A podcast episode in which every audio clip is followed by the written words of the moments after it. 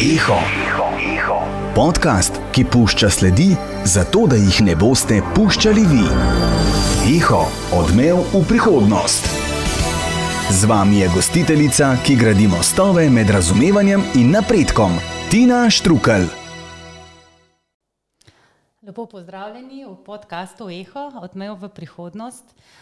Nekako se približujemo, končujemo prvo serijo podkastov, ki se navezujejo na Slovenski energetski forum, ki bo potekal novembra uh, v hiši EU in se bo ukvarjal uh, globalno se bo ukvarjal s vprašanjem, kako se energetika pripravlja na trajnostni jutri. Danes sem vesela, da je z nami dr. Emilija Stojmenova Duh in sicer ministrica za digitalno preobrazbo. Lepo pozdravljeni. Pozdravljeni in hvala za vabilo. Z veseljem in hvala, ker ste prišli. Zelo zanimivo smo že pred začetkom ugotavljali, da je da, da ministrica je sicer za digitalno preobrazbo in bomo dejansko govorili o tej povezavi uh, oziroma kako sta lahko tudi uh, te dve temi, zeleni prehod in digitalna preobrazba, lahko povezani. Tako da, če dovolite, bi jaz kar začela s prvim vprašanjem. Uh, Eh, Veliko krat se pogovarjamo o tem, kako je bila digitalna preobrazba en uh, boom v našem prostoru, zelo veliko smo se pogovarjali o tem na različnih ravneh. Se vam zdaj vidi, kako vi vidite to? Se vam zdi, da je tudi ta zeleni prehod, o katerem zelo veliko govorimo, ne, na, ravni EU in države, da, tu, da sta dva ločena procesa ali se opadata, sta povezana? Nikakor gre za dva procesa, ki se vse čas prepletata in uh, sta močno povezana. Tako kot lahko digitalizacija nam bistveno lahko pomaga pri zelenem prehodu, se moramo zavedati, da tudi digitalizacija prinese nekatera tveganja recimo, uh, pri zelenem prehodu in zato jih moramo uh, tudi veš čas skupaj naslavljati. Super. Uh, se vam zdi, da zeleni prehod, recimo jaz sem razmišljala tudi od tega, o dostopnosti, o zaveščanju, recimo kot pomembnem dejavniku zelenega prehoda. Se vam zdi, da za ta pravičnost zelenega prehoda, da je tudi digitalna preobrazba, da bo en ključni element ali pa ključni dejavnik? En, uh, tako kot pri zeleni preobrazbi in tudi pri digitalni preobrazbi, moramo poskrbeti, da so vsi vključeni. Ker če ne poskrbimo za ta del, potem samo povečujemo razkorak. Tisti v spredju bodo imeli še več prednosti, še boljše kakovosti življenja, dela in tako naprej, ostali bodo pa še bolj zaostajali. Zato vedno, ko naslavljamo tako velike pojave, kot so zeleni pa digitalni prehod, moramo res poskrbeti za to, da so vsi vključeni. In tukaj ne govorim uh, zgolj na recimo generacijski nivo ali samo geografski nivo, ampak prav povsod. Če zdaj delamo zeleni prehod, moramo pomisliti, kako bo ta prehod uh, pomagal oziroma vplival tako na mlajše kot starejše, tako na globalni jug kot na globalni sever. Preprosto moramo poskrbeti, da nihče ni iz tega izključen. Recimo pri energetiki. Govorimo tudi o teh uh, energetski revščini, pa recimo ranljivih skupinah. So te skupine približno enako mislite tudi eh, pri digitalni preobrazbi ali pa pri dostopnosti digitalnih rešitev? Pogosto krat je tako, recimo na področju digitalne preobrazbe so običajno to starejši, ki pač niso dobili znanje in kompetence, ki jih potrebujejo, nimajo dostop do opreme, nimajo dostop do infrastrukture in veliko krat je ta infrastruktura Tisti, ki nimajo dostop do energetske infrastrukture, seveda nimajo dostop tudi do digitalne mm. infrastrukture. In seveda ljudje, ki prihajajo iz socialno slabših družin oziroma nasploh imajo slabši socialno-ekonomski status. Se dejansko tudi pri teh zadevih dejansko povezuje ne, tudi dostopnost. Imate mogoče tako, da si imajo bolj predstavljeno, kakšne konkretne primere projektov ali pa pobud, ki so že bili ali pa ki jih eh, predvideva, da je na področju digitalne preobrazbe, za katere bi lahko rekli, da bodo tudi uspešni pri spodbujanju pravičnosti, pa zelenega prehoda, da, da si malo predstavljamo to povezavo. En odličen projekt, na katerem delamo pravzaprav trije ministri, poleg Ministrstva za digitalno preobrazbo, tudi Ministrstvo za visoko šolstvo, znanost in inovacije in Ministrstvo za okolje, podnebje in energijo. Želimo pokazati, da pri izgradnji podatkovnih centrov lahko pridemo tudi do tega krožnega gospodarstva oziroma prispevamo k trajnosti. Želimo si, da bi ta nov podatkovni center, da bi ga hladila voda reke in potem, da bi odprli odpadna toplota, da bi jo izkoristili za okrevanje uh, uh, pač stavb, ki so v mhm. okolici. Na takšen način lahko tudi znižamo stroške uh, za ogrevanje, po drugi strani ne koristimo dodatno energijo za to, da hladimo podatkovnega centra, ker vemo, da IKT industrija porabi približno 13 odstotkov celotne električne energije, ampak želimo izkoristiti to, kar že obstaja v naravi in potem še izkoristiti recimo to odpadno toploto. Na večjih nivojih je zanimiv projekt. Se mi zdi tudi, eh, da veliko krat govorimo, tudi vaši predhodniki smo govorili v smislu, eh, da zelo dobro bi bilo, da bi bil tudi državni aparat, ne vem kako bi imela neki javna, eh, javna sfera, ne, da bi bila tudi en pokazatelj tega, kaj se da, ne, oziroma da bi bil glasnik tega. Tako da to je sigurno en v primer v živo bi bil. Kako daleč pa je ta projekt? Gre za projekt, ki je financiran v okviru uh, načrta za okrevanje uh -huh. in mhm. odpornost. Je na začetku, ampak eh, glede na to, da vsi projekti morajo biti speljani do uh, leta 2026, uh, verjamem, glede na to, da si vsi močno prizadevamo za to, da bo ta projekt izpeljan tudi v samem času.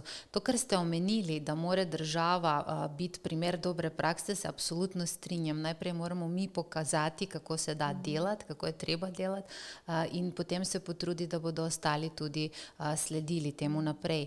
Na našem ministrstvu imamo tudi en projekt, a, kjer uporabljamo tehnologijo internet stvari v a, teh a, stavbah, ker so različna ministrstva in tudi na tak način želimo pokazati, kako lahko nove tehnologije, kot v tem konkretnem primeru a, je, so internet stvari, lahko prispevajo k a, manjšemu a, okoljskemu a, vplivu. Mhm.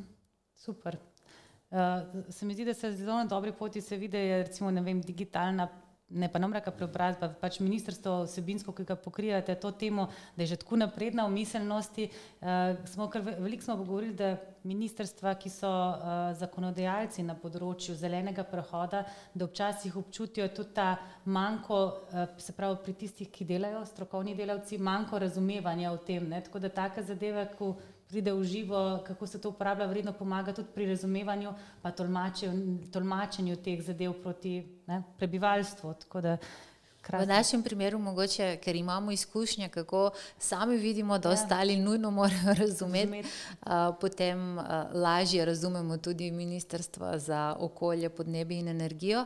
Ampak tudi sicer uh, na našem ministrstvu smo večinoma predstavniki ene druge generacije, pri kateri se je več govorilo o tej problematiki, ja. ki smo odraščali, ki smo jo tudi obravnavali, mm -hmm. recimo, tako v šoli kot kasneje. Mm -hmm. In uh, imamo mogoče malo več razumevanja za to problematiko. Sigur, zdaj ste dobro rekli tole. Se mi zdi, da je pogojeno generacijsko tudi razumevanje določenega problema. Vidim, ko se pogovarjamo doma ali pa ko se pogovarjaš tudi v naši ekipi, včasih oziroma prihajajo mlajše generacije zraven, Skozi imam občutek, da so isto stare kot medve, ampak na koncu zagotavljam, da je to res nova generacija in je njihova percepcija tudi te nuje za zeleni prehod sigurno drugačna kot morda moja ali pa generacija pred mano.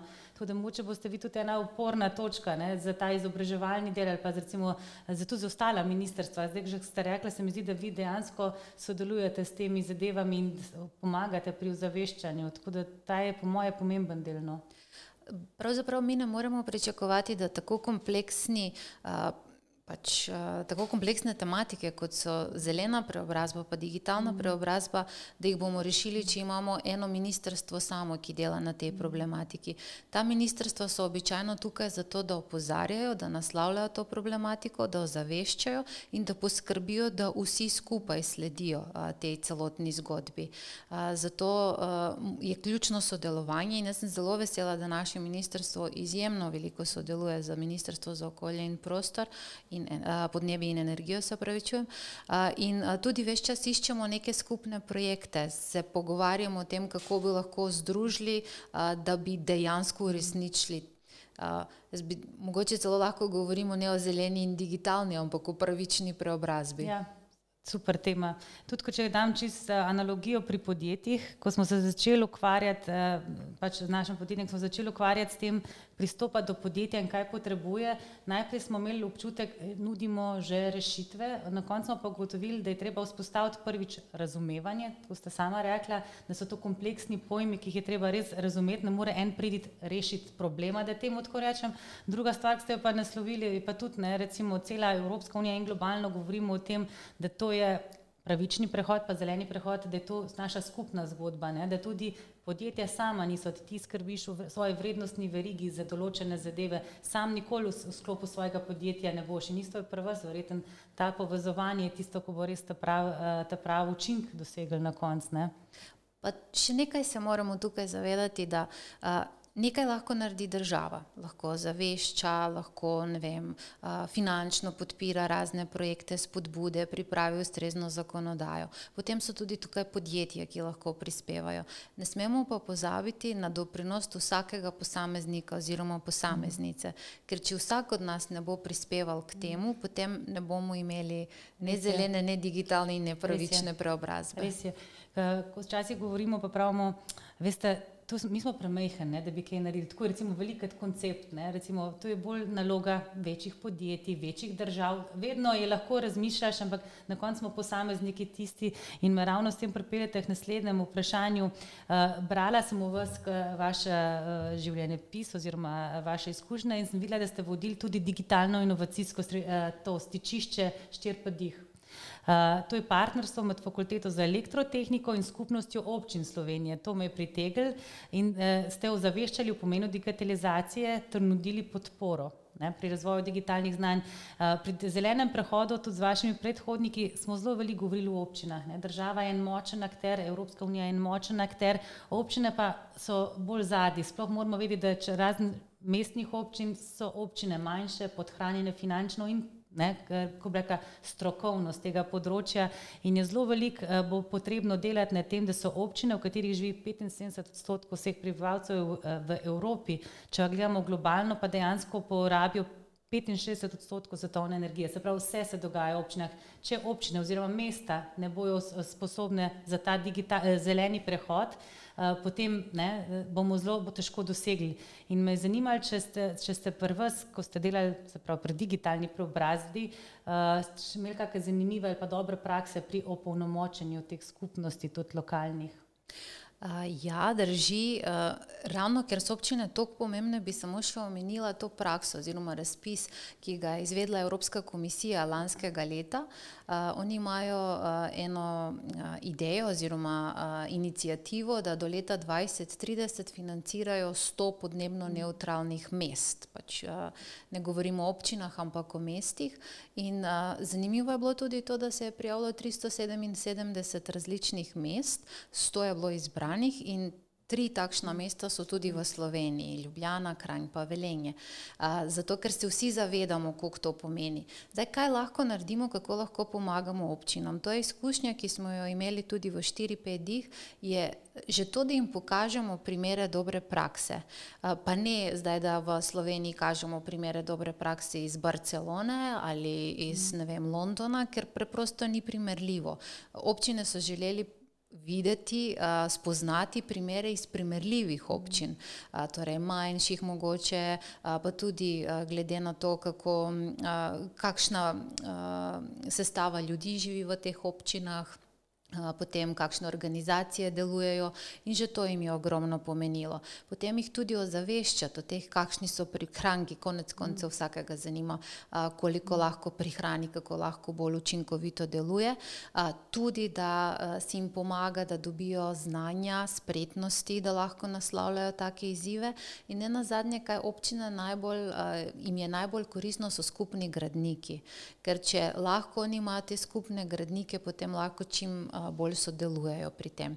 Zdaj nekaj konkretnih primerov, ki smo jih mi za 4-5 dni delali, mi smo se ogromno ukvarjali tudi z razvoj kmetijstva, uporabo digitalizacije v kmetijstvu, je bil en super projekt Smart Agrogrape, pametno vinogradništvo, ker je bila ponovno naslovljena tako zelena kot digitalna preobrazba, se je uporabljala tehnologija internet stvari, ker so se zbirali podatki na podlagi tega, je bilo pač vse bolj cilj, ciljano oziroma namensko usmerjeno, tudi manj škropljenja, manj porabe vode, prihranki. In recimo potem na tak način so občine spoznavale, kaj se da narediti, je pa obstaja ogromno različnih primerov, tako z področja zdravstva, zdravstva, energetike, pametne števce, parkirišča, pametna razsvetljava, veliko je tega.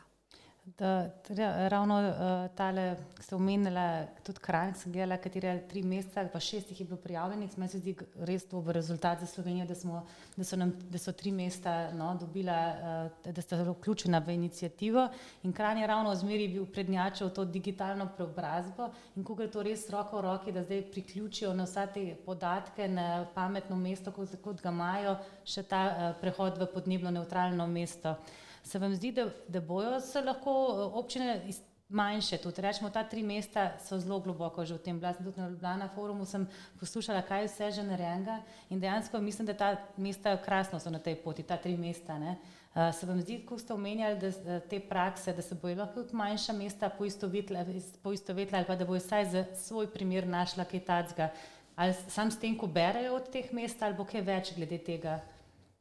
Izmenjave praks. Ena pozitivna stvar v Sloveniji je to, da smo zelo tekmovalni. Tako da, ko vidimo, da nekdo začne delati na nekem področju, potem začnejo tudi ostali sodelovati. Mogoče kot anekdota, na 4-5 dih, ki ste ga prej omenili, smo želeli z enim projektom predstaviti, kakšne so hitrosti internetne povezave v posameznih občinah, in prav za nalaž smo dali tudi rang v Sloveniji. In takoj, ko smo objavili orodje, smo videli, da obisk je bil neverjeten da so kar uh, hodili gledati različne občine in se primerjati med seboj. Uh -huh. Da verjamem, če bomo naredili nek podoben indeks, uh -huh. da bodo občine začele tekmovati. Mis, ja, tam, ampak tam so tudi čutili recimo, to prednost. Ljudje se pritožujejo na tem, kako dobro je pokrito z interneta. Ne, recimo pri uh, vprašanjih podnebne neutralnosti pa opažam še to skepso ali pa recimo vprašanje, kaj je za nas notrne. Že občine kot take se mi zdi največ tega Eh, na zeleni prehod ali za podnebno neutralnost je bila narejena vedno zato, ker je bila spodbuda strani Evropskih, eh, Evrope, pa nepovratnih sredstev, ne, ne tukaj še občutka, mogoče bojo te poplave zdaj vse imele malo drugačen občutek, da se nas že dotika, ne, ampak je vprašanje, eh, a, a, a bojo ta želja, se, če bo videla, da gre na enem mestu, da gre dobro v, v poti nad podnebno neutralnost, a je tudi, tudi dobro, da reče, tudi mi bi želeli biti dober, a veste, a bo kak korenček na koncu, ne, za njih se mi zdi, da se rekli, da najbolj vsakega zanima, kaj imam jaz iz tega. Ne? To je zmeraj tako in zato je da, komunikacija tukaj ključna, Ker če človek ne bo videl, kaj ima on ali ona od tega, potem seveda pri tem ne bo sodeloval. Tako digitalna kot zelena preobrazba stanejo. Mm. To so drage zadeve, če jih želimo upeljati, ampak po drugi strani a, pa prinašajo ogromno nekih prednosti. In če se mi pogovarjamo v nekih terminih, zelena digitalna preobrazba, ko človeku ne pomenijo praktično ničesar, potem težko pričakujemo, da bodo sodelovali pri tem, ampak če jim a, pokažemo, da bo kakovost življenja življenja bistveno boljša, ne samo njihovo življenje, ampak tudi življenje uh, otrok, uh, pa vnukov in tako naprej, uh, potem vsak vidi neko prednost v tem. Mogoče primer spet iz digitalizacije. Se spomnim v preteklih letih, ko smo mi delali na projekte uvajanje širokopasovnega interneta na podeželju. In smo obiskali eno majhno vasico v Franciji in en starejši gospod nam je navdušeno razlagal o tem, kako je zdaj super, ker ono ima interneta doma. In nismo mogli verjeti, kako lahko en gospod starejši, tako, tak promotor mm -hmm. interneta. Uh, in uh, je povedal, da odkar ima on internetne povezave doma, zdaj lahko. Vsak dan vidi vnuka nadaljavo, poleg tega zdaj vnuk celo pride in ostane par dni uh, na obisku. In enako je pri podnebni uh, neutralnosti. Če mi predstavimo, kaj bo za me mm. v tej celotni zgodbi, potem verjamem, da bodo sodelovali. Mm. Se je fajn rekli, da vi imate tu za, zametek, ali ste sam tako rekli, ampak to bi bilo res dobra zadeva, da bi pri teh prehodu na podnebno neutralna mesta, recimo bila tudi en um, možnost spremljanja, pa primerjanja, pa recimo, da vidiš, kakšna je dobra praksa, da bi znali tudi recimo na ravni države, to pa bi pa mi z mest gledali, kaj, kaj že imajo ostala, pa mal pritiskali. To je super, mogoče to je pobuda za kak dober projekt tudi z ministrstvom za vire, za podnebje pa naravne vire. Um, Bomo predlagali. Imate, super. Uh, imate ful enih izkušenj, raznolikih se, med drugim sem tudi prebrala, veliko sem zvedela, od vas sem pol brala, dobro, uh, da ste bili prva predsednica uh, ženske v inženirstvu, IEE, e, združenja, ne? Uh, kako vidite pa vlogo recimo inženir v zelenem prehodu, pa kakšne so največje priložnosti, če malo naslavljamo temo in žensk in tega, da recimo zeleni prehod ne bi smela biti marketinška poteza, ampak ena vsebina tehnološka? Uh. Jaz tudi svojim študentom vedno razlagam, če želiš biti dober inženir, moraš biti empatičen. Ker inženirji rešujemo probleme. In uh, običajno ti želiš rešiti problem, če je nekdo v stiski. Ne? In ženske tukaj smo mogoče malo bolj empatične, vsaj v določenih trenutkih in lažje začutimo, da se nekdo sooča za neko težavo in potem tudi lahko to težavo naslovimo. Uh, čisti iz tega mogoče vidika. Ja. Se, a, drugače, recimo, se vam zdi, da se vaš, na vašem področju poučevanja, mislim, da se tudi ta termin zeleni prehod v kakšnih predmetih že odraža, ali pa kje, ali ni tok tega še, da, da bi se videli? Ne? Sicer zdaj imamo različne projekte, tudi recimo Digitrajni učitelj, ki ga izvaja Ministrstvo za vzgojo in izobraževanje in kjer je vključeno veliko število učiteljev.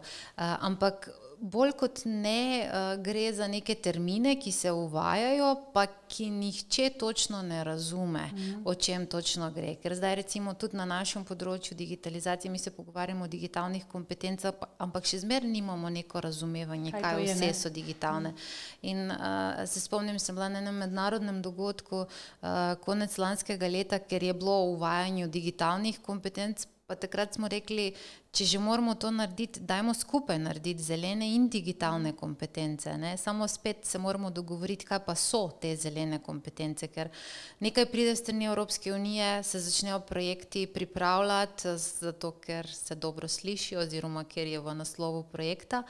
Uh, bojim se pa, da nimamo čisto razjasnjeno, kaj to točno pomeni. Sigurno smo govorili tudi eh, že o te, te teme zelo veliko, že tako osnovne, ne?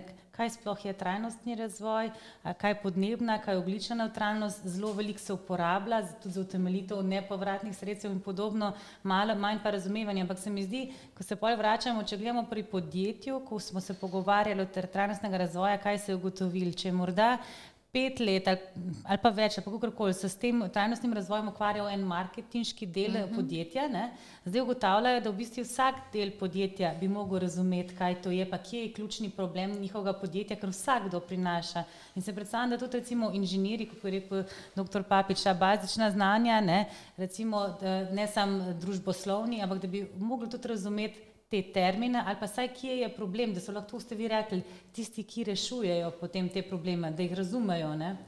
In tudi, da razumejo posledice rešitev, ki jih kreirajo. Tako. Zato, ker recimo na, uh, v IKT sektorju digitalizacija se po eni strani, ne vem, ne rabimo se voziti v službo, lahko delamo nadaljavo, kar bistveno, bistveno tudi, pomaga uh, pri uh, naslavljanju teh podnebnih izzivov. Ampak po drugi strani, kot sem že sama omenila, IKT sektor porabi 13 odstotkov svetovne energije in tudi v tem primeru moramo iskati iskati rešitev, kako bomo pa zdaj a, to nadomestili mm. za koriščenje naravnih virov, recimo mm. za hlajenje, namesto da bi izkoriščali mm. elektro, a, ja. elektriko. In tukaj je izjemno a, pomembno, da a, problemom pristopamo celovito, da jih obravnavamo holistično, da ne gledamo zgolj en majhen košček, zato ker znam, škoda, ki jo povzroči ta rešitev, zna biti pa bistveno ja, večja. Imamo cele slike. Zato mi je bilo zanimivo danes najna debata, ko povezujemo tudi recimo digitalno pa zeleni, ker je vse to tako povezano, kot ste nakazali. Torej, se vam zdi, da ženske, ki smo malo bolj, pa no, želim tako reči, na, na, empatične v slabem smislu, ampak dejansko tudi, ko gledamo populacijo strokovnjakov na področju, tako če rečemo, trajnostnost, je zelo veliko žensk. Ne? Recimo, jaz sem prehajala prej iz energetike, se mi zdi, da sem bila vedno bolj v družbi moških, ne? zdaj, ko recimo pri trajnostnosti se mi pa zdi, da je zelo veliko žensk. Tudi ženska inženirka bi mogla biti res taka priložnost, da se jih spodbuja v to področje. Ne? Vsekakor, ampak empatičnost ni nič slabega. Ne, ne. To je izjemno dobra lasnost. Mislila sem reči, da, da ne bo zgledalo, kot da moški niso. Da, ne bom zdaj, da, tako Ja, ja, reči, da mogoče ne, da moški niso empatični, da ne bom zaradi takoj moških delga poslušalcev zgubila, ampak rečemo, da smo naslavljali vprašanje, kako to, da je pri trajnostnosti zelo veliko strokovnjaki, mogoče procentualno več kot moških, no je bilo tudi to so ugotavljali, mogoče smo ženske tiste, ki se nas bolj osebno dotaknejo problemi pa stiske, no, ki se, se nas na svetu pojavlja. Najlepša hvala. Jaz bi vas prosila na koncu vsakega gosta, na koncu prosimo, če lahko da še njegov eho v prihodnost, nekako sklepno misel. V dobi digitalizacije ne izgubite človeka v sebi. Najlepša hvala. Hvala vam. To je bila epizoda podcasta Eho. Hvala, da širite odmev v prihodnost. Z vami ostajamo na vseh znanih kanalih.